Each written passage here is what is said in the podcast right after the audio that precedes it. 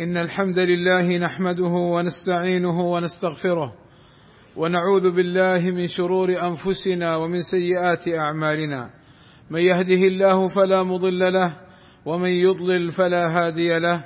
وأشهد أن لا إله إلا الله وحده لا شريك له وأشهد أن محمدا عبده ورسوله. ألا وإن أصدق الكلام كلام الله وخير الهدي هدي محمد صلى الله عليه وسلم. وشر الأمور محدثاتها وكل محدثة بدعة وكل بدعة ضلالة وكل ضلالة في النار. أما بعد فاتقوا الله عباد الله وراقبوه فإنه سبحانه وتعالى يراكم. فاحرصوا على أن يراكم محسنين غير مسيئين. عباد الله هناك أمور يحبها الله من عباده. أخبرنا بها نبينا الكريم صلى الله عليه وسلم. ونحن إذا علمنا هذه الأمور فإننا نفعلها ونعملها لأن الله يحبها طلبا لرضاه وثوابه وصفة المحبة صفة ثابتة لله عز وجل على ما يليق بجلاله وعظيم سلطانه نثبتها كما هي من غير تحريف ولا تعطيل ولا تأويل ولا تشبيه فمن الأمور التي يحبها الله عز وجل الإيمان بالله وصلة الأرحام والأمر بالمعروف والنهي عن المنكر. قال صلى الله عليه وسلم أحب الأعمال إلى الله إيمان بالله ثم صلة الرحم ثم الأمر بالمعروف والنهي عن المنكر. وأبغض الأعمال إلى الله الإشراك بالله ثم قطيعة الرحم. فتؤمن يا عبد الله بالله بأنه الخالق الرازق المدبر للأمر كله وأنه الذي أوجدك من العدم وأنه المستحق للعبادة. فلا تصرف شيئا من العبادة لغير الله عز وجل. ومن الأمور التي يحبها الله عز وجل الحلف به سبحانه وتعالى. قال صلى الله عليه وسلم احلفوا بالله وبروا واصدقوا فإن الله يحب أن يحلف به. فلا تحلف يا عبد الله بغير الله لأن الحلف بغير الله شرك. فلا تحلف بالنبي ولا بالولي ولا بالأمانة ولا بأبيك ولا بشيء دون الله عز وجل. ومن الأمور التي يحبها الله عز وجل في العبادة التوحيد والسهولة. فعن ابن عباس رضي الله عنهما عن النبي صلى الله عليه وسلم أنه قال أحب الدين إلى الله الحنيفية السمحة.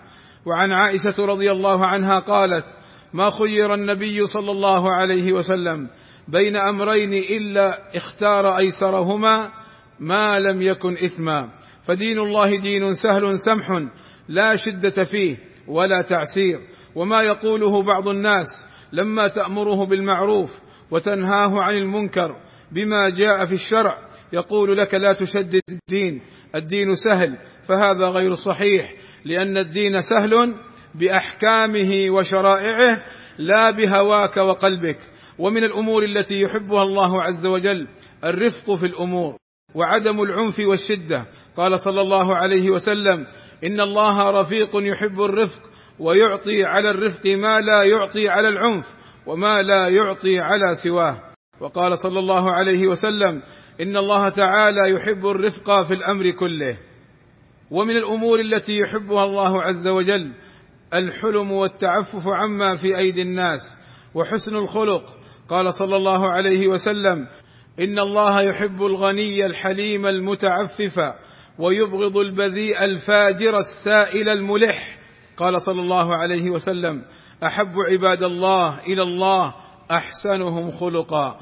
والله أسأل لي ولكم التوفيق والسداد وحسن القول والعمل وأن يهدينا إلى الصراط المستقيم وأن يغفر لنا الذنوب والزلات إنه غفور رحيم. الحمد لله رب العالمين والصلاة والسلام على المبعوث رحمة للعالمين وعلى آله وصحبه أجمعين عباد الله.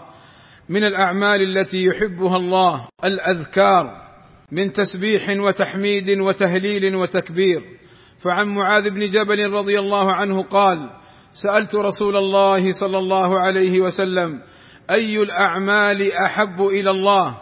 قال صلى الله عليه وسلم أن تموت ولسانك رطب من ذكر الله. ولسانك رطب أي أنك تعود نفسك وتعود لسانك ذكر الله حتى إذا جاءك موت يكون رطبا بذلك وتجتنب السب والشتم والكذب والغيبة والنميمه والقذف فهذه أمور تقسي اللسان. قال صلى الله عليه وسلم أحب الكلام إلى الله تعالى أربع سبحان الله والحمد لله ولا إله إلا الله والله أكبر ولا يضرك بأيهن بدأت. وقال صلى الله عليه وسلم أحب الكلام إلى الله أن يقول العبد سبحان الله وبحمده. وكلمتان حبيبتان إلى الرحمن خفيفتان على اللسان ثقيلتان في الميزان. سبحان الله وبحمده وسبحان الله العظيم. كما قال صلى الله عليه وسلم عباد الله إن الله وملائكته يصلون على النبي.